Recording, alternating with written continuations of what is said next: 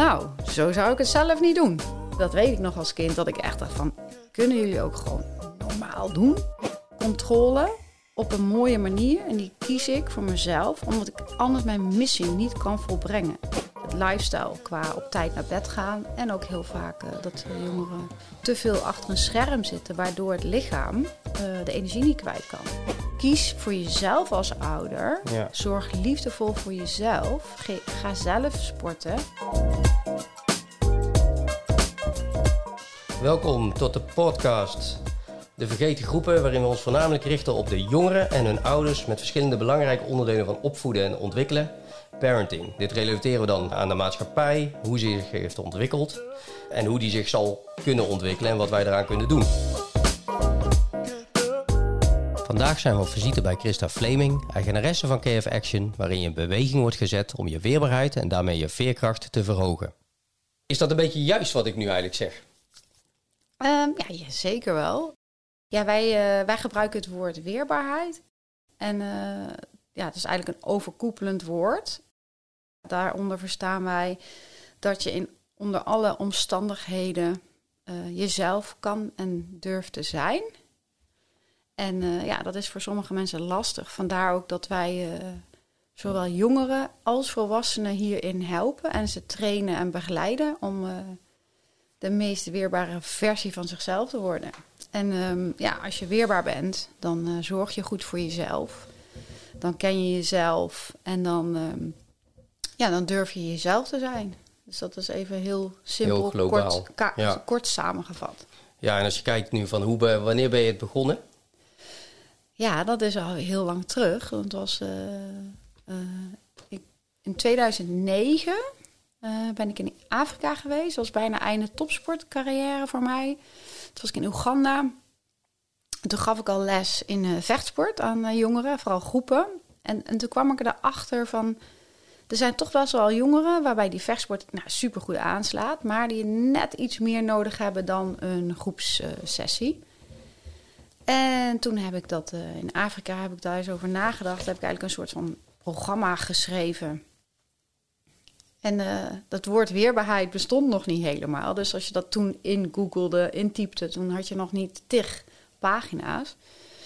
Ik vond het ook niet zo'n heel mooi woord. Maar goed, uh, resilience is natuurlijk de Engelse variant erop. Of de vertaling. Ja, ja om dat dan in Nederland te doen, dat, dat is ook weer niet zo. Maar in ieder geval, um, ja, dus eigenlijk in 2009 is het, is, ben ik ermee gestart.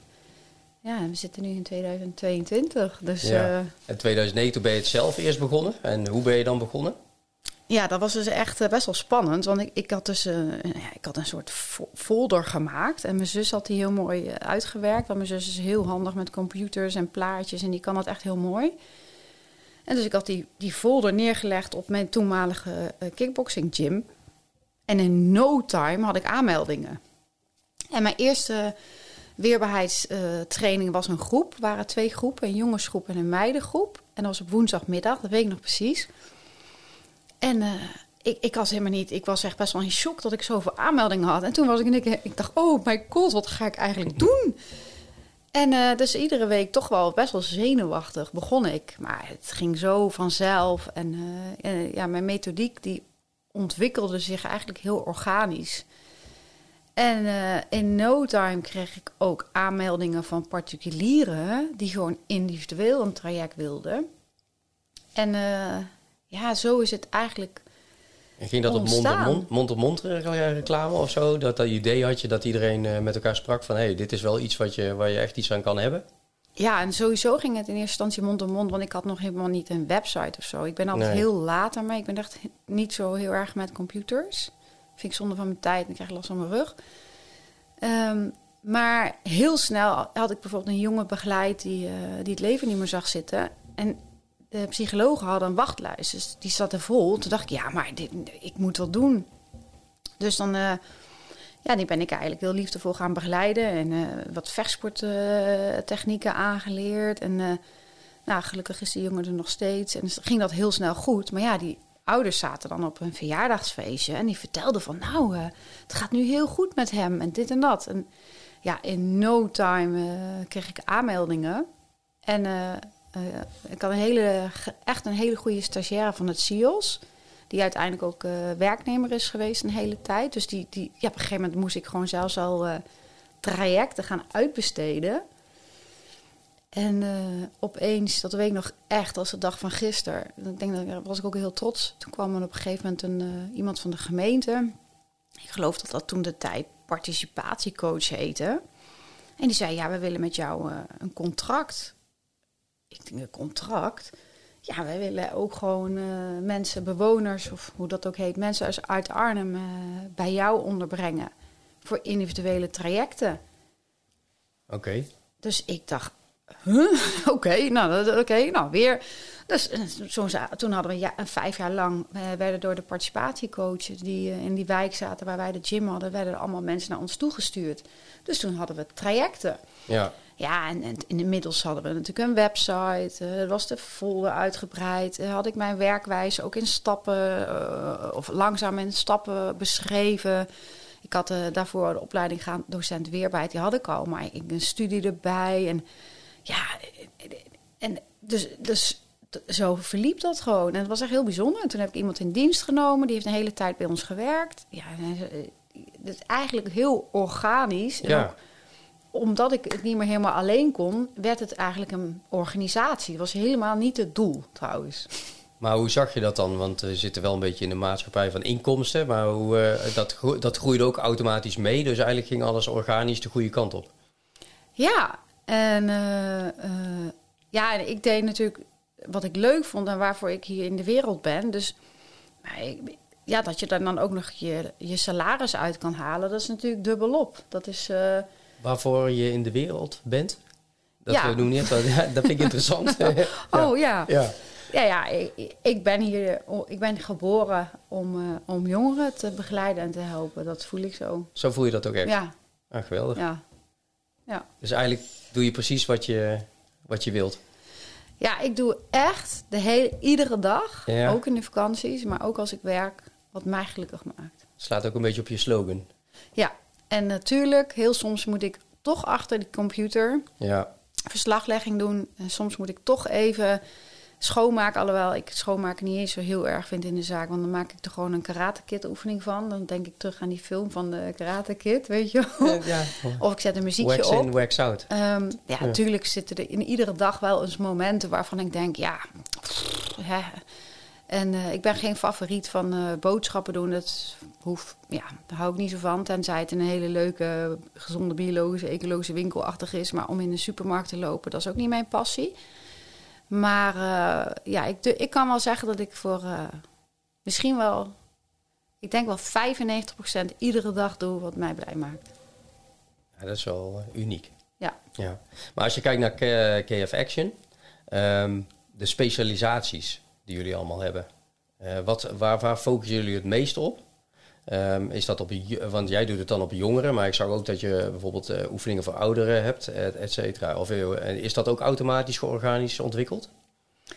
Ja, nou eigenlijk wel. Want eh, toen ik het dus begon in 2009... ehm, ja, toen, toen kwamen er in eerste instantie dus allemaal jongeren op, op mij af. Of op ons af. En toen was ik natuurlijk nog alleen. En, maar op een gegeven moment kwamen er ook volwassenen. En, ehm, eh, en toen, hebben we, toen, het, toen werd het team langzaam ook groter. En toen, ja, dan, krijg je dus in het team, dat is wat heel mooi is, dat hebben we nu ook. Iedereen heeft eigenlijk zijn passie ook en zijn specialisme. Nou ja, ik, ik werk zeker ook met volwassenen. En ik hou heel erg ervan om in het eh, bedrijfsleven of op scholen ook wat te doen met volwassenen. ehm, in verbinding brengen. Maar in de individuele trajecten, ja, als er veel jongeren zijn die zich aanmelden, dan, dan vind ik dat heel leuk om te doen. Daar heb ik gewoon echt heel, heel veel passie voor. Maar in ons team zijn eh, drie of vier die zeggen van... Ah, ik vind volwassenen heel leuk. Dus dan selecteert degene, dat is de, de- ja, onze manager, zeg maar... Die, die kijkt eigenlijk bij de aanmelding van... oh goh, wie past er bij deze nieuwe aanmelding? We kijken ook naar, Mhm. naar meer. Dus we kijken niet alleen maar naar of het een kind of een volwassene is. We kijken ook naar de, naar de hulpvraag. Ja, en inmiddels, we zijn nu twee... We zijn dus alweer voor, nou, ruim 15 jaar verder... is iedereen in ons team opgeleid als jeugd- en gezinsprofessional. Oké. de trainer weerbaarheid, maar we werken ook allemaal trauma-informed. Dus iedereen is ook opgeleid door mij, eh, want ik in de tussentijd opleiding gedaan heb, uh, Somatic Experiencing, zo heet het. Dat is lichaamsgerichte traumatherapie. Ja. En die heb ik in de werkwijze verwerkt. Dus uh, we hebben, ik, mijn werkwijze in die, uh, in die 15, 17 jaar zo, is, die is zo gegroeid en zo, ja, ja, hoe zou je het noemen, geëvalueerd. Dat uh, we natuurlijk nog steeds wel vechtsport inzetten, maar niet alleen vechtsport. Dus we zijn veel breder nu. We doen ook bij kinderen die bijvoorbeeld agressieproblematiek hebben, ja. gaan we natuurlijk niet te veel op het vechtsport. Ja, dan gaan we wel wat met vechtsport doen, maar belangrijk ook is dat diegene zelf gaat voelen van uh, dat hij niet meteen de uitingsvorm heeft van rammen, slaan en schoppen. Dat er ook andere manieren zijn om met je lichaam om te gaan. Dus we doen heel veel met. Uh, Wat zijn dat voor manieren, ja? Wij, wij doen, ja. we doen yoga erbij, okay. ademhalingsoefeningen. We doen ook echt wel spelvormen, cognitieve oefeningen. We hebben drama, rollenspellen. Ik doe ook best wel veel met dans. Okay. Dus een soort, uh, ja, dat is echt leuk. Vrij dansen eigenlijk. Uh, en dan gaan we ook echt wel heel veel de natuur in. Omdat ik een hele grote voorstander ben van um, buiten zijn. Eigenlijk het liefst tijdloos. Dat wordt lastig als je in de zorg werkt. Maar het liefst uh, buiten zijn, in verbinding zijn. en ja, de hele werking van het buiten zijn. en dat is ook wel weer, ben ik de coronaperiode heel dankbaar voor. Want uh, door corona hadden wij het pand gesloten. En wij gingen natuurlijk wel door met werk. Ik ga echt door niets of niemand mijn werk stoppen. En toen heb ik, uh, ik, ik, was eigenlijk alle hele dagen in het bos. Ja. En dat was geweldig. Dus. Uh, en de jongeren ook, vonden het ook fijn? Ja, zeker. We hebben ook gesubt. We zijn naar de paarden geweest. sterker nog, door de corona ben ik mijn pony tegengekomen. Dus voor mij is het een hele mooie periode geweest. Ik ben uitermate blij en dankbaar dat ik haar ben tegengekomen. Dus, uh... Maar wat voor jongeren? Want je, je, had het net over verschillende specialisten, uh, specialismen. Um, nou, wij, ja, wij zijn dus inmiddels ook allemaal zoals het moet, omdat we, we zitten, zeg maar, zoals dat heet, in het sociaal domein. Dus we zijn eigenlijk een zorginstelling. Okay. Uh, geen GGZ overigens, maar wij hebben allemaal onze papiertjes om dus individuele specialistische begeleiding te mogen doen. En onze werkwijze, zeg maar, is dus dat we dus weerbaarheid, zeg maar, zeg maar weerbaarheidstraining daar binnen, binnen dat aanbieden. Maar jongeren die, nou ja, ik zal opnoemen wa waar de jongeren of de volwassenen tegenaan lopen voordat als ze zich bij ons aanmelden.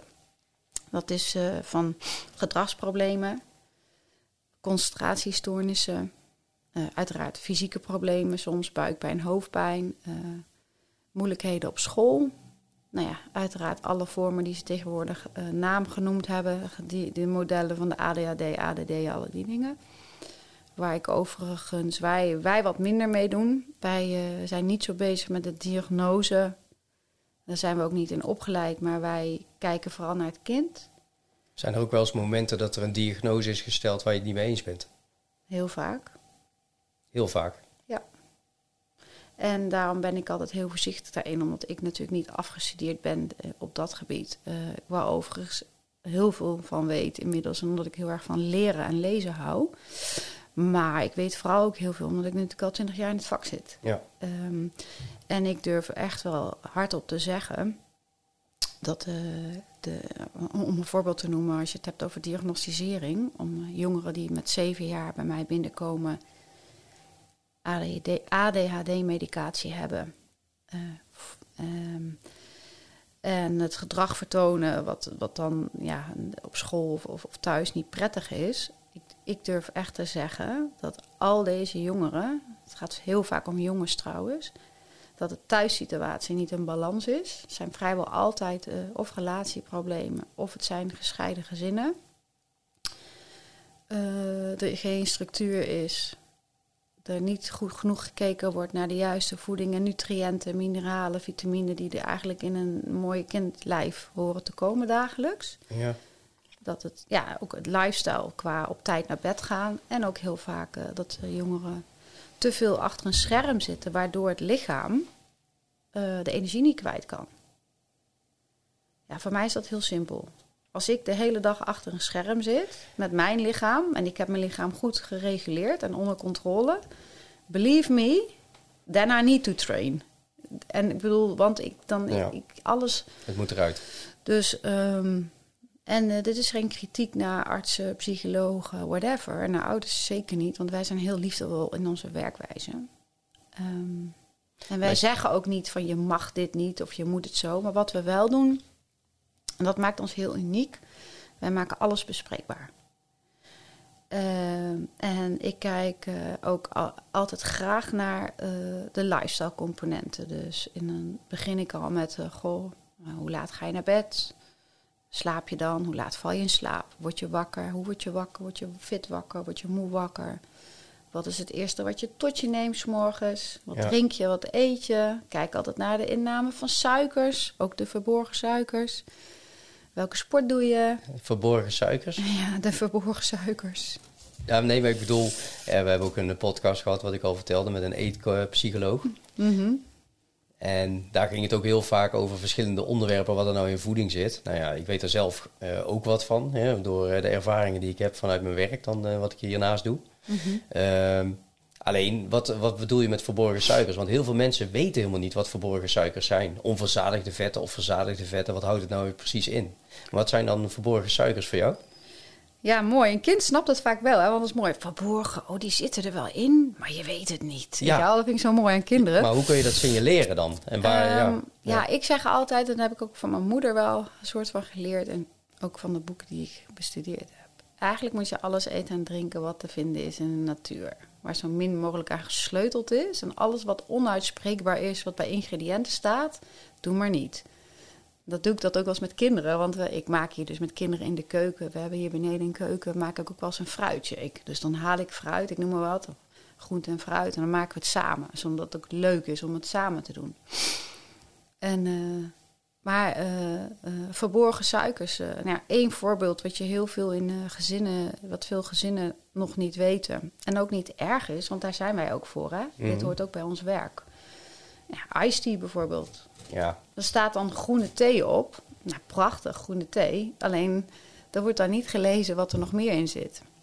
Nou ja, goed, eh, tandartsen die, eh, die weten dat natuurlijk ook wel. Als je al die tandjes van die kinderen met de gaatjes en zo. Ja, dat komt Ja. natuurlijk van de, van de fruitjes. En, en, en een glas eh, sinaasappelsap wat uit een pak komt. Ja, daar zit natuurlijk ook hartstikke veel suiker in. Appelsap schijnt echt super te zijn. Er zit echt bizar ja veel ook, toch? Uit Ja. een pak dan in ieder geval. Ja. Dus, eh, en uiteraard, de hele dag door fruit eten is ook niet heel verstandig. Want daar zitten natuurlijk uiteindelijk ook fruitsuikers in. Ja. Dus gewoon, ehm, ja, nou, dat soort dingen. En water drinken. Water of thee. Ehm, en vooral ook wat, wat mij heel veel opvangt bij kinderen... en daar moet ik bij mijn eigen zoon ook op letten... is dat ze sowieso weinig drinken. Eh, dus daar moet gewoon ook gewoon op gelet worden. En dat is je taak als ouder. Punt. Dat ik, heb is, op, ik heb op een gegeven moment mezelf heb ik aangeleerd. Ik dronk ook te weinig. En op een gegeven moment gewoon elke keer... ehm, ik, ik had een masseur. En die zei op een gegeven moment... Stijn, weet je wat een goede methodiek is? Elke keer wanneer je naar het toilet gaat... Wat doe je daarna? Ja, je handen wassen. Wat zou je dan ook kunnen doen? Een glas water drinken. En sindsdien eigenlijk op het moment dat ik dorst heb... Dan elke keer, dan doe ik gewoon dat principe... hou ik de hele tijd vol. Waardoor ik altijd eigenlijk direct mijn vocht weer aanvul... wat goed. Nadat ik, dat, ik vond het echt, eh, toen hij dat zei, ik denk van ja, eigenlijk ook heel simpel. Je staat al bij de kraan. Dus je bent er alweer bezig. Wat is nou makkelijker dan op dat moment, het maakt niet uit hoe groot het glas is, gewoon een normaal glas, om even water te drinken. Dus dat vond ik eigenlijk wel een hele goeie. Nou, die ga, ik, die ga ik direct meenemen in pra- mijn praktijk. Want, ik iedereen doet het. super. Iedereen doet Dankjewel. Ja, alsjeblieft. Ja, Top. Ja, zo leer ik ook nog eens wat. Superleuk. Ja, ik leer heel graag. Dus Ja, leuk. Ik hou er heel erg van. Maar we gaan even terug naar die therapie, hè? want eh, eh, daar hebben we ook al want even over gehad. Eh, bewegen als therapie. Ehm, er zijn heel veel therapieën voor kinderen. Hè? Ik bedoel, ehm, waar ze kunnen spelen, maar dan tevens hele gesprekken krijgen. Ja. Wat is de reden van de insteek van, eh, die jij hebt gekozen vanuit beweging? Ja, ik wou eigenlijk het woord bewegen vervangen door vechtsport als therapie. Niet eh, omdat ik het woord bewegen niet mooi vind hoor. Maar wij, wij eh, onze methodiek, dat is trouwens heel leuk. Er komt binnenkort een stuk ook in een boek over. Heel, heel- echt heel gaaf, daar ben ik heel trots op. Wij, onze, wij gebruiken vechtsport. en vechtsport is natuurlijk bewegen. Uh, zowel uh, mentaal als fysiek. Als je vechtsporter bent, zoals, ik, zoals ik het zeg maar ja. ervaar en onderwijs, is dat je in beweging bent en blijft. Onder alle omstandigheden. Met een blessure, met een ziekte. als je het even niet zit. En dat hoeft niet altijd de harde vorm van beweging te zijn. Maar dat kan ook zijn bewegen in je brein. Dat je bewegend blijft denken. Um, en dat je dus gaat proberen om die rondjes die je brein eigenlijk uit conditionering makkelijker vindt om te maken, dat je daar soms uit durft te gaan. En dat betekent ook dat je je hand durft uit te steken, omdat je het soms niet alleen kan. En dat is niet zwak. In de vechtsport leren wij dat we met elkaar ook leren. En dat je het dus alleen kan. En als je het soms even niet alleen kan, dat je je hand uitsteekt. En dat die ander, je partner of je trainer, of dat die je helpt. Uh, vechtsport is daar uh, uitermate geschikt voor. Uh, ook omdat je, doordat je, met, je leert grenzen aangeven, maar je vooral je leert je eigen grenzen voelen. En dat kan alleen in de bewegingsvorm. Omdat je dan letterlijk ook fysiek gaat voelen. Uh, je komt oog in oog tegenover iemand anders te staan, waardoor je, je lijf al sowieso reageert. Want wij zijn natuurlijk zoogdieren. Dus op het moment uh, dat we in contact komen met een ander zoogdier, of met een mens dan, gaat ons lichaam reageren. En hoe dichter je bij dat gevoel kan komen, en je, dat leren wij dus onze mensen, hoe makkelijker je ook je lichaam met je lichaam leert omgaan. Dus uh, als jij op een gegeven moment van jezelf weet van nou, dit is de ruimte die voor mij fijn voelt. Ja, wij zitten nu op deze afstand uit elkaar. Nou, in mijn geval zou ik het niet eens erg gevonden hebben als we nog een stuk dichter bij elkaar zouden vinden. Want jij voelt voor mij fijn. Dat heb ik al lang ervaren. Dus ik weet dat nu van mijn lichaam. Dus ik kan daar, ik kan daar wat mee. Maar stel dat je uh, op een, voor een kind bijvoorbeeld op een verjaardagsfeestje bent. En er is altijd die vervelende oom of tante die altijd maar te dichtbij. Of die op schoot trekt. Of, en eigenlijk heb je dat al die tijd al wel gevoeld of gemerkt, maar je, je, je doet er niet echt wat mee. Hè, want dat is natuurlijk ook sociaal niet helemaal wenselijk. En het is familie van, lala. Ja. Nou, wij gaan door kleine oefeningen brengen wij onze nou ja, deelnemers, ik vind cliënten soms zo zwaar klinken, brengen wij dichter bij zichzelf, bij hun lichaam, in hun lichaam.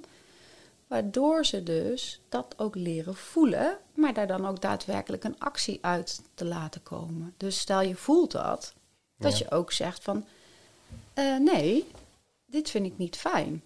Of dat je uit het vuur weggaat, een stoel pakt en apart gaat zitten. Um, nou, dat is eigenlijk. En dan, uh, dat, dat, is, dat is zeg maar uh, een van de basisdingen, dat je dus durft, durft te kiezen voor wat voor jou fijn voelt. En dat, is, dat is niet bij iedereen hetzelfde. Kijk, de een is gewoon wat, wat vrijer fysiek en wat, wat, wat sneller dichterbij dan de ander. De een hecht zich wat sneller. En dat is geen goed of fout. Dat, dat is, mag, mag iedereen voor zichzelf voelen en ervaren. Dus eigenlijk is het ook grotendeels acceptatie van je eigen gevoel. Uh, zeker. Ja. En, en ook, soms voel je iets, uh, omdat je bijvoorbeeld een bepaald trauma hebt, uh, voel je iets, daar kun je wat high sensitiever van worden, zeg maar. Mm En dan blijkt dat, dat dat eigenlijk je eigen trauma is wat omhoog komt en dat het op dat moment helemaal niet, niet eens wat met die ander te maken heeft. Dus daar kijken we ook naar. Van, goh, oké, nu reageer je best wel heftig op bepaalde stimuli. Zullen we eens van dichtbij gaan kijken van wat is dit nou eigenlijk? En wat is er nou van jou? En wat is nou eigenlijk, zodat je dus nog beter jezelf leert kennen en ook in angstige situaties stappen durft te nemen. Omdat je niet terugvalt of terug, teruggrijpt naar datgene hoe je destijds ook hebt gehandeld. Dus wij proberen ook echt nieuwe, ja, nieuwe banen in het brein en in het lichaam te creëren. Dus dat is een beetje wat we doen de cognitieve therapie. Ja, dat is eigenlijk fysiek. Want het, ja. de cognit, ja, de het is beide. Je, kan niet alleen maar cognitief zijn. Dat, is, uh, dat, is, dat weten we al een tijdje. Ja, dat, ja, dat vind ik wel interessant dat je dit nu ook direct zegt. Want dat weten we al een tijdje. Alleen hoe kan het dan zo zijn dat heel veel psychologen, als ik maar mag zeggen, toch continu maar die cognitieve therapie blijven toepassen, zonder daarbij beweging of andere methodes toe te passen. Is dat, hoe, hoe, waar komt dat dan vandaan? Of is dat, ja, daar, daar ben ik benieuwd naar. Of ben ik dan te kritisch? Hmm, ik zie ontzettend mooi een tendens die gaande is. Waar ik extreem blij mee ben. Uh, ik, ik, ik, zie hem, ik ervaar hem zelf ook soms als ik met mensen uh, in contact ben of als ik ergens uh, mijn kennis mag delen. Ja. Uh, maar waarom mensen dat blijven doen? Omdat dat iets is wat bij de mens hoort. We zijn heel erg geneigd om te blijven doen wat we al doen. En we vinden het eng om te veranderen. En hoe? Stel je nou eens voor, je hebt vier jaar een universitaire opleiding gedaan, of zes jaar of acht jaar. En ineens komen er mensen die zeggen: Ja, maar wat jij de tijd hebt geleerd, dat vegen we nu allemaal weg, want we gaan nu dansen. Ik noem maar even wat. Ja. Nou, dan moet je dus ook wel echt daarvoor openstaan en het ook durven aangaan. En wat, wat natuurlijk ook wel een ding is. Kijk, ik ben dit werk gaan doen met een reden. Ik ben gepest, ik kom uit een gescheiden gezin. Ja. Uh, ik, uh, ik, heb, ik heb een ja, redelijke bagage gehad. Um, en ja, ik ben ermee aan de slag gegaan. En ik heb gezien wat vechtsport doet en hoe, hoe, wat dat mij gebracht heeft. Maar wat heeft jou doen beslissen om ermee aan de slag te gaan? Uh, wat heeft mij. Ja, ik, ik weet niet of ik echt heel besluit. Ja, ik wilde gewoon pus mijn leven leiden, punt. Ik wil gewoon mijn leven. Kijk, ik ben altijd gelukkig geweest, ondanks alles. Ik kan me, dan, ik kan me niet her, geen moment herinneren, zelfs niet na de scheiding van mijn ouders, dat ik dat iemand mijn. Ik, heb, ik was altijd vrolijk en blij. Dus dat is altijd dit overstay. Dus die innerlijke kracht heb ik altijd gehad. Ik heb ook wel altijd gevoeld van. Nou, zo zou ik het zelf niet doen. Dat weet ik nog als kind, dat ik echt dacht van... kunnen jullie ook gewoon normaal doen? Of hoe moeilijk is dit? Terwijl ze dat misschien zelf al niet meer door hadden. Maar, nee, maar... Dat, ik denk dat ik het ook wel gezegd heb. Dat ik 100% zeker dat ik echt dacht van... ja, dit snap ik echt niet. Ik, ik, ik heb heel vaak volwassen mensen, nog steeds, hè? heel ja. eerlijk. Ik kan nog echt nog heel soms... nou ja, heel soms...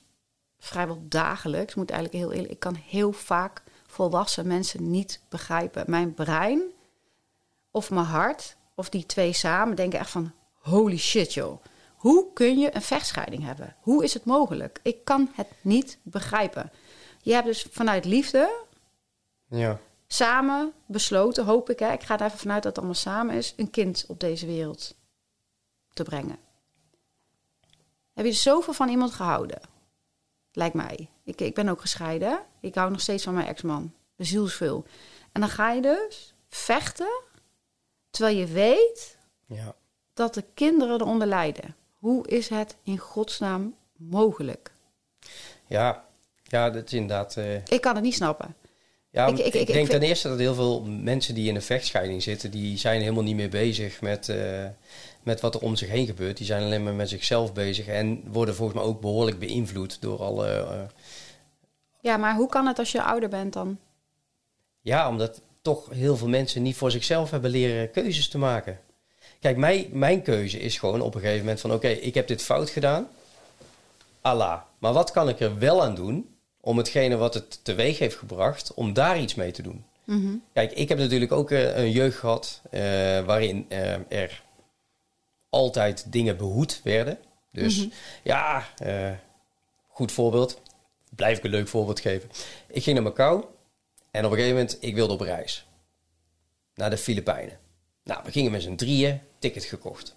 Vervolgens krijg ik dus drie maanden later of twee maanden later een envelop binnen. Hoe gevaarlijk Macau was en hoeveel mensen daar gokverslaafd werden. Van mijn ouders. Oh. Dat betekent dus dat zij bezig zijn met, oh dadelijk dat geld is ineens van de rekening af. En dus op die manier nadenken. Dus ik ben op een gegeven moment, als je ouder wordt, word je daarmee geconfronteerd. Dat je op een gegeven moment ook bepaalde gedachten hebt. Dat je denkt van, hé, weet je, elke keer wanneer ik dat ga doen. Ik ging op een gegeven moment op voor mijn zakenreis, ging ik dan naar uh, Jordanië. En ik dacht van, ja, en als dat maar goed gaat. En als dat maar goed gaat. En ik dacht van, nou, dat wil ik gewoon niet. Dus vervolgens heb ik de keuze gemaakt zelf van, ik ga er iets aan doen. Uh, het maakt me niet uit, het zal altijd een onderdeel van me blijven dat je dat even hebt. Maar het gaat me nooit belemmeren in hetgene wat ik wil doen. Reizen, koken, met vrienden omgaan, feestjes, uh, sporten, alles, zeg maar. Dat is een bepaalde keuze. En ik denk dat daar, als je naar vechtscheidingen gaat, dat veel mensen gewoon eigenlijk ik denk dat heel veel mensen in bepaalde strijd of zo niet meer nadenken.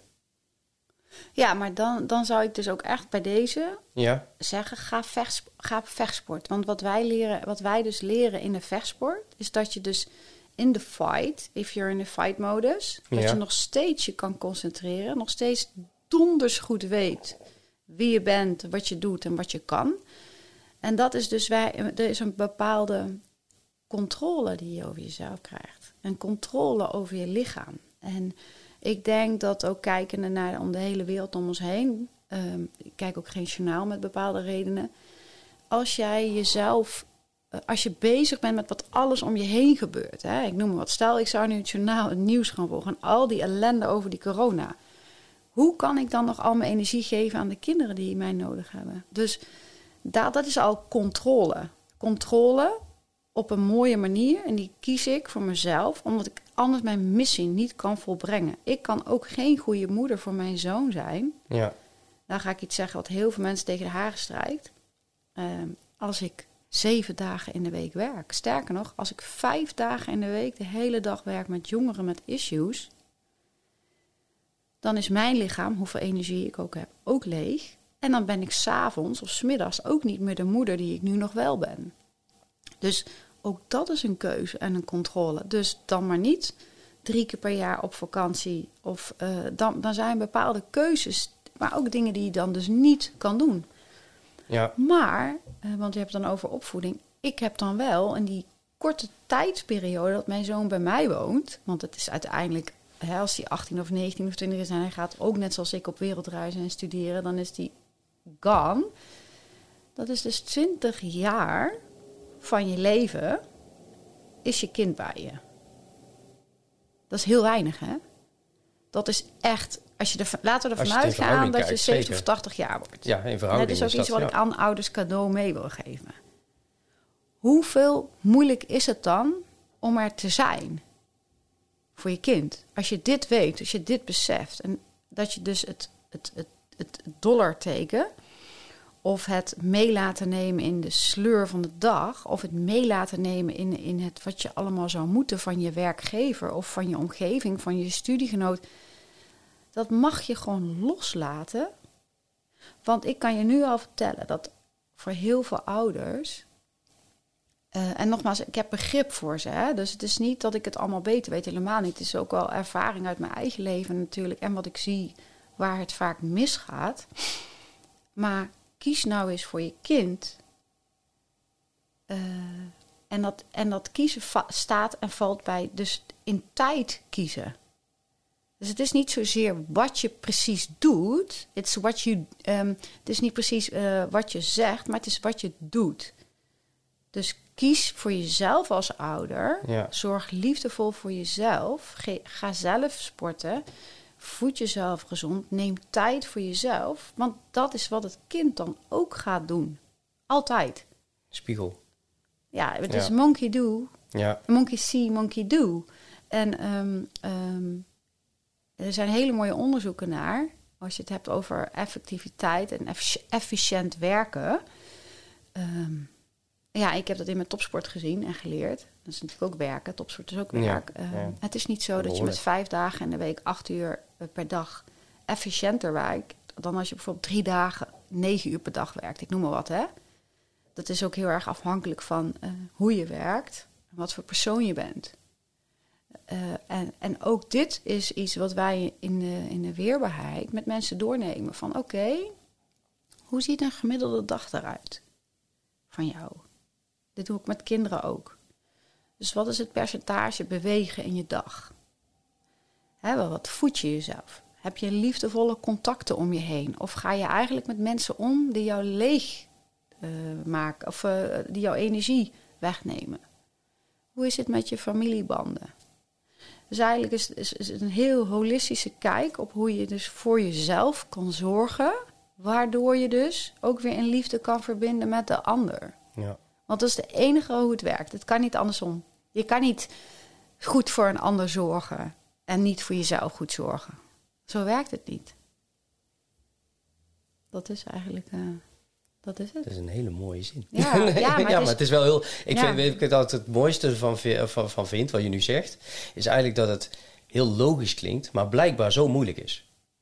Want het is, natuurlijk is het logisch dat als je niet goed voor jezelf zorgt, dan ben je waarschijnlijk ook nog heel veel bezig met jezelf. Want ja, je voelt dat ook zelf, dat je niet voor jezelf goed voor jezelf zorgt. Waardoor je dus heel veel met jezelf bezig bent, dan heb je dus ook minder tijd voor een ander.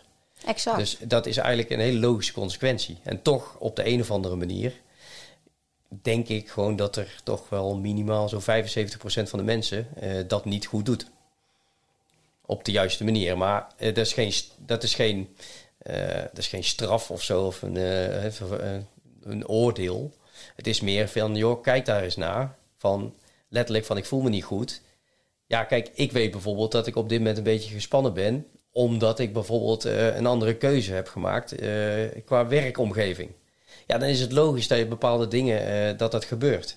Ja. En daar moet je dan mee aan de slag. Of in ieder geval, dan Ja. ga ik, ja, of, of accepteren, hè, wat, je, wat je wil. Maar, maar ja, je doet dat dus allemaal eh, vanuit KF Action. Is het eigenlijk KF Action of noem je het echt KF Action? Ja, dan mag je helemaal zelf Dan mag je bepalen. dat ja, weet, weet ik niet. Ik, ik zeg Ja. KV Action, maar het zijn mijn initialen. Dat snap je wel Ja, waarschijnlijk. ja, ja, maar goh, ja, ja, ik, ja, ik heb geen idee. Ik- dit is echt zo grappig gegaan toen ik besloot om zelfstandig te worden. Eh, ik heb volgens mij ook nooit in loondienst gewerkt. Ja, in mijn studententijd in de horeca uiteraard. Ik weet nog dat ik bij de Kamer van Koophandel stond. En, eh, ik had nog helemaal niet nagedacht over een naam. Ik dacht, nou ja, ik ga me inschrijven. Dus ik stond daar en ik ook kreeg allemaal van zo'n vragenlijst volgens mij. In 2006 denk ik of zo was dat. Ik heb echt zo poink zo ingevuld. Echt nooit, never, niet. Nee. Nou, en dat is- het is nog steeds die naam gebleven. Want ik had hem natuurlijk kunnen veranderen. Maar ik ben er nog steeds hartstikke blij mee. Nee, het is gewoon een mooie naam. Ja, Niks, dus, eh, eh, dus helemaal niet verder. Ik, het was echt puur op dat moment, ja, wat moet ik voor na... Wat, ja, weet ik niet. Ja, ja, nou ja, oké, action erachter, punt. Ja, want, Dus, eh, want je, je, je gaf net ook al even kort een referentie naar het boek. ja. Ehm, is dat ook vanuit eh, KF Action geschreven? Of eh, hoe, zit, eh, hoe, eh, hoe is dat boek tot stand gekomen?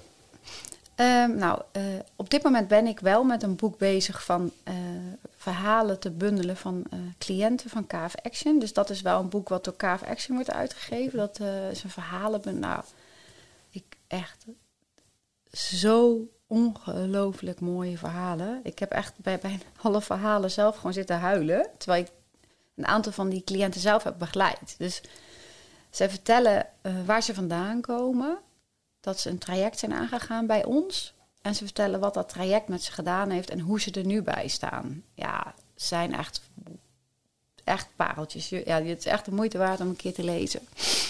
Eh, en, een, en een aantal van onze trainers schrijven hun eigen verhaal. Dat is dus eh, ja, een verhalenbundel die uitkomt. Ik hoop in november.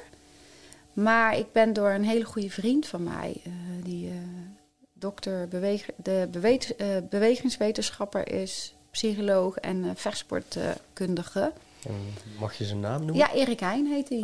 Die, ja. die heeft al meerdere boeken geschreven. We hebben Ja. ook eh, samen gewerkt en we zijn vrienden. Dus, en hij heeft mij eh, een half jaar geleden gevraagd of ik in, in het nieuwe boek wat hij schrijft, Vechtsport als therapie, of ik mijn eh, werkwijze en mijn visie als eh, lichaamsgerichte traumatherapeut ja, wil beschrijven. Dus eh, nou, vond ik natuurlijk helemaal geweldig, want het is natuurlijk een onderdeel van mijn missie. Ja.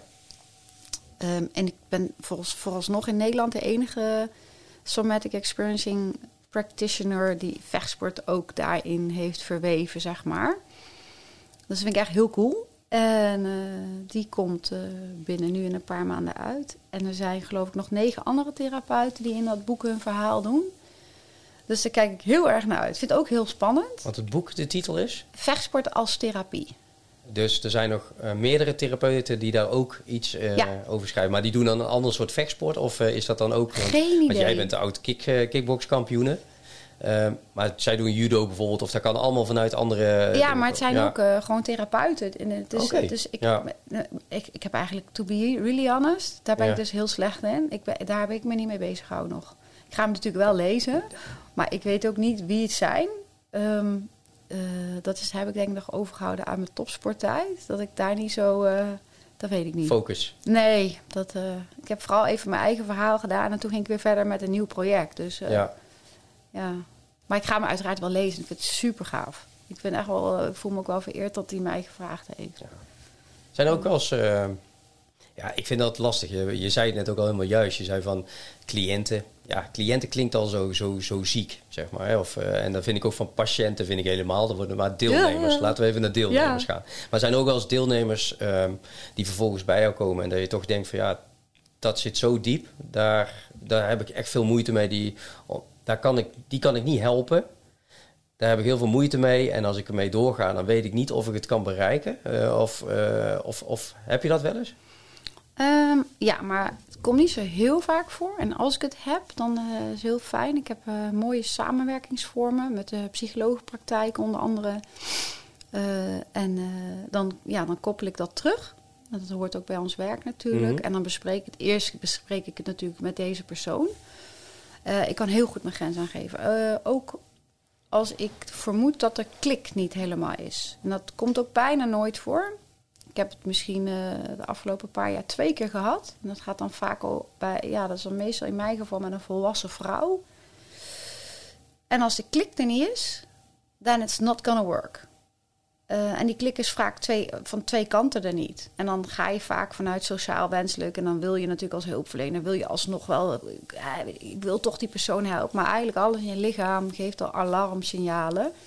En dan is het, vind ik heel krachtig om als, eh, als therapeut of als begeleider dan te zeggen: Goh, ja, ik wil iets met je delen. Bij mij voelt het alsof ja, dat we niet met elkaar. eh, Ja. hoe, hoe voelt dat bij jou? Nou ja, dan is het altijd: Ja, heb ik ook. dus dat zo werkt Ja, dat ja, gewoon. Ja, ja. En zeg van, nou, dan wil ik je heel graag eh, door, eh, door, doorsturen in, in ons team naar een van onze andere Ja, begeleiders. dat is ook weer fijn natuurlijk. Hè? Ja, en, ja. eh, en soms komt het ook voor dat bijvoorbeeld een van mijn eh, collega's iemand begeleidt.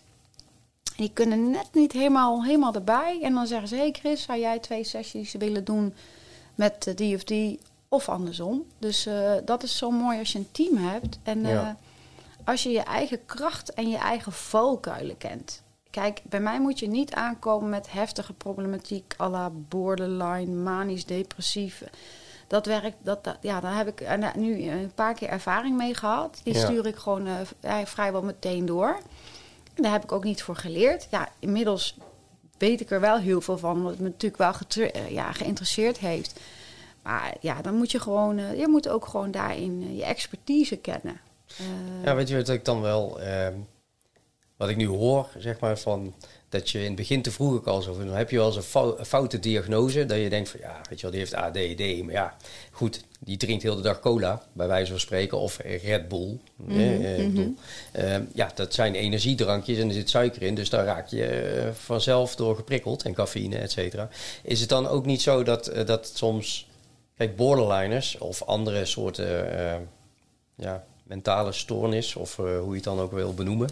Ehm, ik vind het altijd heel lastig om gelijk een label erop te plakken. Terwijl ja, soms is dat wel nodig, denk ik. Maar denk je dan ook niet zo van, ja, maar zijn ze dan wel op de juiste manier gediagnosticeerd? diagnosticeerd? Ja, dat denk ik eh, Ja. zeker. En het is natuurlijk vanuit mijn studie, wij, wij bekijken ja, bepaalde stoornissen anders vanuit de somatic experiencing. En NARM, dat is een Neuroaffective Relations Model. Wij eh, zien vaak dat het ook jeugdtrauma is. En, wat houdt dat in, dat, eh, dat, eh, dat model? Ja, daar heb ik ook twee opleidings, of een opleidingsweekend in gedaan. Ja, dat, is eigenlijk weer een verdieping erop, zeg maar. Dus wij, dat heeft eigenlijk te maken met de hechting. Hechting in de jonge jaren. En eh, ehm, eh, welke ja, onderdelen er belangrijk zijn in de eerste aantal jaren in de opvoeding. Ja, dat is natuurlijk dat je als ouder eh, op het juiste moment aanvoelt en ziet wat het kind nodig heeft. En dat kan van de eerste behoefte van een baby zijn. eh, als die huilt, dat je er meteen bent. En niet eh, methodiek wat je wel eens gelezen hebt voor een paar jaar, een jaren geleden. Van laat ze eerst maar even lekker huilen. Ja, wat een bullshit. Ja, daar kan ik zo kwaad van worden. Dat je dat als ouder ook gelooft, hè? Want toen, eh, als mijn zoon, die huilde niet zoveel, maar als mijn zoon een keer huilde en ik gaf borst, nou, mijn hele lichaam reageerde normaal. Mijn borsten die ploing en mijn hele lijf. Dat ik echt dacht van, nou ja, hoe blijf je dan als ouder zitten? Ik heb altijd gewoon gerefereerd aan mijn lijf. En eh, ja, mijn zoon heb ik de eerste jaar niet, is niet bij me weg geweest. En het is een hartstikke leuk kind, hè? Dus het is helemaal niet eh, dat hij heel... nee, want dat voelde voor mijn lichaam niet fijn. En ehm, ik nam hem overal mee naartoe. Ik heb hem ook niet naar een crash gebracht. Niks niet. De helft van de tijd was hij op of aan Ja. mijn lichaam, in contact. Ehm, omdat hij reguleerde op mijn lichaam. En dat is heel normaal bij zoogdieren. En dat is een van die dingen wat, eh, waar we met z'n allen, heeft iedereen natuurlijk al in meegedaan. Wat heel belangrijk is met de hechting, dat je dus de fysieke behoeften, en daarna komen natuurlijk nog meer is natuurlijk niet alleen maar fysiek, maar een baby is natuurlijk zo ongelooflijk afhankelijk van het lichaam van de moeder. Qua voeding, de borsten, die zitten er niet voor niks. Dat is super mooi om naar te kijken, maar die dingen hebben natuurlijk een functie. Met een reden, want als je vaak ook stopt met borstvoeding of het niet doet, dan komen, kunnen ook best wel klachten uit voortkomen bij de vrouw. Hè? Eh, en hoe mooi is het dat jouw baby aan je borst hangt, zit. En dat jij al die tijd neemt, naar je baby kijkt. Hè, dat is een heel belangrijk onderdeel voor de bonding, dus voor de, voor Mhm. de, voor de hechting, zeg maar. Ehm, eh, en reageren op de signalen van je kind. Ja. Ja, als daar al iets niet helemaal lekker gaat, dus in die eerste 18 maanden, eh, ik, ik geloof in dat het nog veel langer is, daar komen bepaalde, ja, daar kunnen bepaalde stoornissen uit voortkomen. En dat, eh, zoals mooi ooit werd beschreven door Bowlby, heb je bepaalde hechtingstoornissen, Mhm. onveilige hecht. En, eh, eh, nou ja, dan kun je daar op late leeftijd het een en ander aan doen. Hè. Je hebt natuurlijk verschillende soorten therapieën. En je kunt ook qua hechtingsstijl veranderen. Maar goed, vooralsnog, je hebt die eerste vier jaar wel bepaalde dingen gemist. En vervolgens kom je in de volgende levensfase. Ja, en eh, Maar ja. het lijkt me ook sterk van als je dat in het begin als ouder, ja, wat dan de reden ook eh, is, dat niet doet, dan zul je dat waarschijnlijk in de rest van de opvoeding, zul je dat ook niet doen, denk ik. Ja, en nu raak je aan de snaar inderdaad. En dan heb je soms natuurlijk ouders die zich guilty voelen en schamen en zo. Ja. En het gaat natuurlijk... Ah, blijf nog maar iets langer op je telefoon. Ah, goed. Doe maar eens. Ach, hier heb je zakje chips. Ja, ja. Maar als je dat nu even kijkt, en want nu raken we dan ook gelijk de afgelopen drie jaar aan. Mhm. Wat ik het meest eh, pijnlijk vond, en dat is ook een van de redenen waarom we deze podcast ook met verschillende therapeuten en eh, deskundigen, ook al het woord des la- langzamerhand vind ik meer een ontkenning in plaats van, hè, dus, eh, dus de kundige laat het maar noemen. Ehm, wat ik vooral merk is ehm, dat heel veel van de kinderen dus echt een beetje de hechting zijn kwijtgeraakt met hun klasgenoten, met de leraren zelf. De leraren zelf zijn ook een hechting kwijt. Toevallig is mijn zus is lerares en die zat echt de hele tijd voor, eh, voor teams les te geven. Wat eigenlijk niet te doen was, wat gewoon eigenlijk een façade was. Eh, Vond zij dan tenminste ja, zelf, zeg, gaf ze ook aan zo, ja, ik doe mijn best. Maar het is heel moeilijk om contact te maken. Ehm, maar dan gaan we even terug naar de jongeren. Maar wat hebben die dan eigenlijk voor hechting gehad eigenlijk op dat moment? Ik denk ook, kijk, jij, jij, voor jou was het een eh, positieve periode. Dat vond ik wel mooi om te horen. Ehm, maar je merkt bij jongeren, denk ik, dat ze ook wel heel vaak alleen zijn geweest. Ja, nou, dat is dus ook exact de reden waarom wij het eh, heel druk hebben gehad. Ik, eh, ehm, ik ben er heel verdrietig van geweest. Niet omdat mijn leven, mijn leven was perfect, want eh, ik, ik hoef niet met iedereen heel dichtbij en heel veel contact. Met mijn jongeren wel, die ik begeleid. Maar ik vind het helemaal niet erg om in een winkel afstand te houden van vreemden. Ik heb daar helemaal geen moeite mee. Ik, ik, ik ben niet heel graag in, eh, op plekken waar heel veel mensen zijn, tenzij ik een presentatie geef en boven ze sta of voor ze sta. Maar dan heb je Of ook in de ring sta. Dan heb je ook afstand. Maar ik hoef er niet tussen. Ehm, vind ik niet fijn. Maar eh, met de jongeren die wij begeleid hebben. Ja, daar kan ik wel het een en ander over vertellen. Maar dat zijn geen fijne verhalen. Dat heeft me heel, daar heb ik heel, heel, heel veel last van gehad ook. En wat voor ik- last? eh, omdat, het, eh, omdat ik van mijn jongeren hou. Ik, van de mensen die, met wie ik werk, daar ga ik op van houden op een bepaalde manier. En het interesseert me geen reet wat alle andere therapeuten hiervan vinden. En houden van heb je natuurlijk heel veel, tegen, heel veel gradaties in. Hè? Ik kan ze ook heel mooi weer loslaten daarna. Maar ik vind het ook heel mooi dat sommige jongeren die bij mij zijn geweest, zoals van de week, kwam een van mijn jongeren. Die appte mij, ben je thuis Chris? En het komt niet heel vaak voor. En die komt smiddags bij mij thee drinken. Die jongen heeft nu zijn eigen gym. Die is bij mij gekomen toen hij helemaal in de hel, waar het gewoon echt super slecht met hem ging. Die is 20 jaar. Die heeft nu zijn eigen bedrijf. Ja, en dan zit hij daar en dan zit ik gewoon met tranen in mijn ogen te kijken naar een man ineens van 20 die bij mij komt omdat hij het zo fijn heeft. Die komt bij mij thuis. Die is dan, ik zei, ik noem hem ook mijn tweede zoon. Ja, omdat het zo voelt. En ik van die jongen, ja, die komt ook, trouwens, ja. zijn verhaal komt ook in het boek. Ja, fantastisch. Hij heeft gewoon zelf zijn verhaal geschreven. En toen vertelde hij, nou zo mooi, zei hij, ja Chris. En zijn ouders, die zijn ook bij mij in de praktijk geweest. Hij heeft hele gave ouders. Echt geweldig. Ook samen sessies gehad. Toen zei hij, Chris, ik had mijn verhaal geschreven. En dus eh, ik ging het verhaal voorlezen naar mijn vader. Kijk ik links, zit mijn vader heel hard te huilen. ik zei, nou, ik zei, dat had ik ook bij jouw verhaal. Want ik was bij de pony toen ik het mailtje kreeg. Ja. En ik, ik, ik zat gewoon, ik kreeg die tranen stroomden over mijn wangen. Van, van, van geluk, blijdschap, trots tot herkenning. eh, geweldig. En, eh, eh, eh, maar goed, terugkomende dus op, op, Ja, op hoe je dus om je jongeren gaat geven. Ja, Ehm, ook om eigenlijk ook van Maar wat, die periode allemaal met ze heeft dat, gedaan. Ja, dat dus. En wat, wat mij heel erg... Wat ik echt gewoon fucking echt mensen kwalijk neem. En niet één mens, maar gewoon de bestuurders. Hoe hebben wij in godsnaam alles fucking kunnen sluiten? Voor jongeren die in de meest kwetsbare periode zitten, waarin hun brein het nodig heeft, nou, daar is genoeg wetenschap over, hè? om te socialiseren, om contact te maken. Dat zo'n virus, wat super vervelend virus is voor mensen boven de 60, dat weten we nu allemaal, hè? Hartstikke vervelend, super naar. Maar hoe erg is het dat onze jongeren, en het zijn er veel, hè, die het leven niet meer zien zitten, eh, eh, depressieve gevoelens hebben, eh, vastgelopen zijn. Die hele mikmak, kunnen godverdomme niet eens meer op kamers omdat het niet meer te betalen is. Het is gewoon echt niet meer leuk. Hoe kan het dat wij als Nederland, het land waar wij wonen, dit hebben toegelaten? Hoe kan het dat er kinderen in gezinnen waar gewoon niet heel veel geld is, die in flatjes wonen, daar is ongelooflijk veel huiselijk geweld geweest.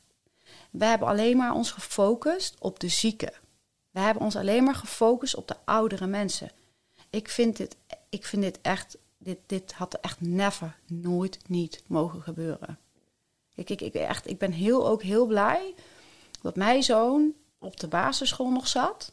En dat wij gelukkig eh, een, een voetbalveld voor de deur hebben en het strand. Want dat is, dat is gewoon een hele mooie luxe positie. En dat mijn zoon geleerd heeft om zichzelf te vermaken. En vooralsnog gelukkig verder geen eh, issues heeft. Want ik moest namelijk wel werken. Want ik moest de jongeren helpen met mijn man, waar Ja, het niet goed mee ja. ging.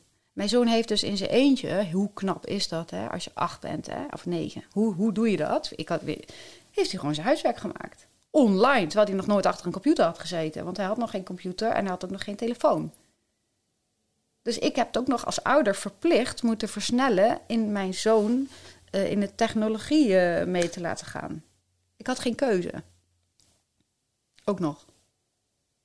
Nou was hij een anderhalf uur klaar met zijn huiswerk en ging hij lachend voetballen. En hij, hij wou eigenlijk nooit meer naar de school. Meneer zei, oh, ik vind het Dit vind ik wel prima. dus het kan ook positief zijn. Dus Eh, voor hem was het ook Ja. helemaal geen nare periode. En dan heb ik daarbij Ja, dat is wel mooi om te zien. eh, geval, hij ja. heeft ook geen angst qua corona, want we hadden, wij keken helemaal niet meer naar het journaal, joh. En ik heb daar ook niet heel veel aandacht aan besteed. Ehm, Nee, dat vind ik ook wel. Ja, dat vind ik wel. dus, eh, belangrijk maar ik om heb ook benoemen. jongeren in de pra- praktijk die eh, eh, heel angstig zijn geworden. Bang voor ziek, bang om ziek te worden. Eh, ja, sommigen die ook gewoon maar gewoon een vaccinatie hebben genomen om naar de McDonald's te kunnen gaan. Daar kan ik ook nog het een en ander over vertellen. Dus die hebben niet de vaccinatie genomen omdat het voor opa en oma was, maar gewoon ja, anders kan ik niet mee met mijn klas. Nee, maar- de McDonald's. Ja, Dus ja, maar dat heel maar, heel, gedaan. maar heel even, hè, moet je Ja. even. Ik ben heel visueel ingesteld, hè? Ik, ik zie dat dan allemaal zo voor me. Ja, ik ben heel visueel. Dan een jongere, nou, best redelijk cognitief intelligente jongere. Daar heb ik heel veel van hier. Ik neem wel even een prik. Om naar de McDonald's te gaan. Oh, wacht even. Dit? Dit is toch eigenlijk... Ja, de hoe- nee, maar combinatie ik al. ga er een strip van maken. Nee, maar even serieus. Ja, ja. Snap je? Ehm, daar is gewoon, er is gewoon zoveel misgegaan. Ehm, en nogmaals, ik hang nooit in het verleden. Ik blijf nooit hangen in het verleden. Maar oh wee als dit nog een keer gebeurt. Want dan ga ik een eigen school beginnen hier, denk ik, in het bos of zo. Ik weet niet, maar dit, dit mag gewoon nooit meer gebeuren. Nee. Nou, het belangrijkste wat ik eruit wil halen is gewoon eigenlijk dat, uh, dat ook heel veel ouders eigenlijk hun ouderrol hebben verlaten. En hebben, dingen hebben toegelaten waarbij ze eigenlijk wisten van, ja, maar dit, dit, dit gaat niet goed. Dit is niet de methode waarop. Um, ja, en de, ik denk dat daar wel goed naar gekeken moet worden. Maar ja, ze moeten in ieder geval het boek lezen waar je daarin staat. ja, nou, dat is een heel klein, een klein beetje, maar hoor. wie weet dat er ooit nog een keer wat, uh, wat ik wat verder ga uitbreiden. Ja. Maar um, ja, waar, waar, het gewoon om gaat is eigenlijk uh, volgens mij voor iedereen. En dat is wat wij als KF Action uh, mensen willen meegeven. Uh, belangrijk is trouwens wel, wij werken alleen met intrinsiek gemotiveerde mensen. Dus wij zijn wel in de zorg, maar wij zijn een andere zorgverlener dan bijvoorbeeld een uh, gemiddelde GGZ-praktijk. Bij, bij ons is het echt, mensen komen wat ze willen. Wij vragen zelfs aan kinderen van acht. Heb je het nodig? Vind je het fijn? En wil je graag komen? Of zijn ze gestuurd door hun ouders? Nee, wordt altijd gecheckt. Al in de intake. Altijd ouders, wij, vragen, wij zeggen altijd tegen de ouders al bij het uh, telefoongesprek van... Goh, weet uw zoon dat je contact met ons opneemt? Ja of nee? Nou, zou u eerst even met uw zoon of dochter willen bespreken... voordat we überhaupt met elkaar in gesprek gaan? Laat ze even de website zien. Laat ze even kijken of het een fijn gevoel bij hebben... en of ze het zelf ook denken en vinden en voelen dat ze dit kunnen gebruiken.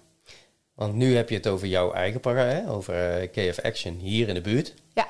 Maar uh, heb je ook contact met bijvoorbeeld uh, in Amsterdam of in, uh, in Zeeland? Want ik weet niet of daar ook van dezelfde soort initiatieven zijn. weet je dat? Of... Ja, wij, ik had een tijdje geleden waren er een paar mensen die zeg maar een franchise wilden beginnen ja. voor ons. Dat is niet helemaal van de grond gekomen omdat die mensen zelf ook druk waren met hun eigen werk. Of omdat het inderdaad in die omgeving nog niet zo lekker liep. Maar ja, ik geloof alleen maar in deze werkwijze. Dus als het onder mijn naam is, dan moet het op die manier. En dat klinkt, als, klinkt alsof ik heel streng ben, dat ben ik niet. Maar ik geloof uh, met heel veel andere bekende therapeuten niet in dat je heelt als je er niet volledig achter staat. Um, dat is wat er ook heel vaak natuurlijk misgaat bij, uh, bij ja, toch ook wel bij cognitieve therapeuten. Jongeren die bijvoorbeeld verplicht naar uh, een of andere hulpverlener moeten. Ja, ik hoor natuurlijk al die jongeren hier, die hebben tig trajecten al gehad. Soms heb ik hier kinderen, echt waar. En dan, ik vraag natuurlijk altijd in de intake van, goh, hè, wat heb je al, voor, heb je al eerder uh, uh, iets gedaan? Nou, dan krijg ik soms een hele lijst, joh. En dan, ja, heeft nooit iets geholpen. En dan zeg ik, nou, er zal toch vast wel iets zijn wat je eraan over... Ja, ja, ja. Dus, ja. Lastig. Ja. ja. Ja, en ook zonde, want het is zonde van degene die dan die therapeut uh, is. Want het is zonde van je energie. Uh, en het kost gewoon allemaal heel veel geld. En ik ben heel erg van de efficiëntie. Ik doe ook zelden tot nooit lange trajecten. Daar geloof ik niet in. Nee. Dat is ook waarom ik soms huiswerkopdrachten geef. Hoe lang duurt zo'n traject dan ongeveer? Nou, ligt dus helemaal aan de casus. Um, maar minimaal, max? Ja, ik zit minimaal op drie maanden. Maar dat is voor uh, heel veel hulpverleners heel kort. Ja. Maar mijn langste traject is misschien anderhalf jaar geweest. Uh, en, uh, maar dan praat ik wel over een cliënt die echt van heel ver kwam. Daar praat ja. ik echt over depressie, niet naar school, niet naar het werk, onder begeleid wonen, leven niet meer zien zitten. En die studeert nu. Die loopt hier stage. Ja, geweldig. Oh, hij staat ook in het boek trouwens. Mooi, mooi, mooi verhaal. Dus ja. ja. ja. fantastisch. Maar als je nou een, uh, echt een advies zou willen geven um, vanuit Give Action. Gewoon zoiets van, joh, uh, dit is waar we voor staan en dit is wat ik adviseer op het moment dat je dingen signaleert bij je kind. Of bij jezelf. Of bij jezelf nog belangrijker. Waar je uh, weet dat er iets aan gedaan moet worden, maar toch op de een of andere manier heb je advies nodig waardoor je het wel zal doen. Of. Goeie vraag. Wat ik adviseer, moet ik even voelen hoor. Ja. Um, ja, het belangrijkste advies is gewoon voel wat bij jou past en bij jou hoort. Want KV Action is, is, is ja, ik denk dat voor iedereen een cadeau is aan zichzelf. Maar ja, het moet wel bij je passen. Kijk, bij ons, wij, je komt in een team met mensen die uh, allemaal heel sportief zijn en wel echt aanpakkers zijn. En de een die, die is wat softer in zijn werkwijze. Uh, maar wij uh, zonder, zonder schuren geen glans, zoals wij het noemen. Dus we gaan je wel aan een paar kanten gaan we aan je trigger, gaan, we, gaan we je van wakker schudden. Op een leuke speelse manier. Waardoor je vanzelf eigenlijk wel met jezelf aan de slag gaat. Dus, dus het advies is eigenlijk van, nou, wil jij het aangaan met jezelf? Durf je het aan te gaan met jezelf? Wees welkom. Eh, dankjewel. Ik vind het een hele mooie afsluiter. Oh, zijn we al klaar? Ja, we zitten al op een uur oh, hebben we al gepraat. Uh, ik, ben, ik ben echt zo tijdloos. Dit is ook zo'n ding van mij. Ja, nee, Dat, zegt ook wel iets met je, met je motivatie. En, uh, ja, ja ik heb echt niet gevoeld dat de tijd... Ja, ik ben sowieso niet goed in tijd voelen als ik het leuk vind hoor. Oh, is al weg. Ik vind het wel leuk. We praten er gewoon even door, zeg maar. Nee, maar dat is ook wel een van de dingen. We laten het gewoon allemaal raw, zeg maar. Het is gewoon zo, zoals het is, zeg maar. En dat vind ik wel heel belangrijk. Ehm, want uh, ja, censuur en andere dingen, dat, uh, dat vind ik niet de methode waarop. Ehm, ja, wil je iets meer weten als luisteraar uh, van de methode en voel je er ook iets voor om er meer over te lezen, dan kan je altijd naar de site gaan, kfaction.nl. Ehm, daar kun je gewoon eh, duidelijke methodieken lezen, welke specialismes er zijn. Um, nou, ik wil Christa, ik wil je hartstikke bedanken nogmaals. Ik vond het een heel makkelijk eh, uur, zeg dus, nou, dankjewel. En eh, ja, misschien tot de volgende keer. Je weet nooit natuurlijk. Ja, nou, hartstikke leuk. Jij bedankt. Ik vond het echt een heel fijn gesprek. Ja? ja. Nou, mooi. Dankjewel. dankjewel.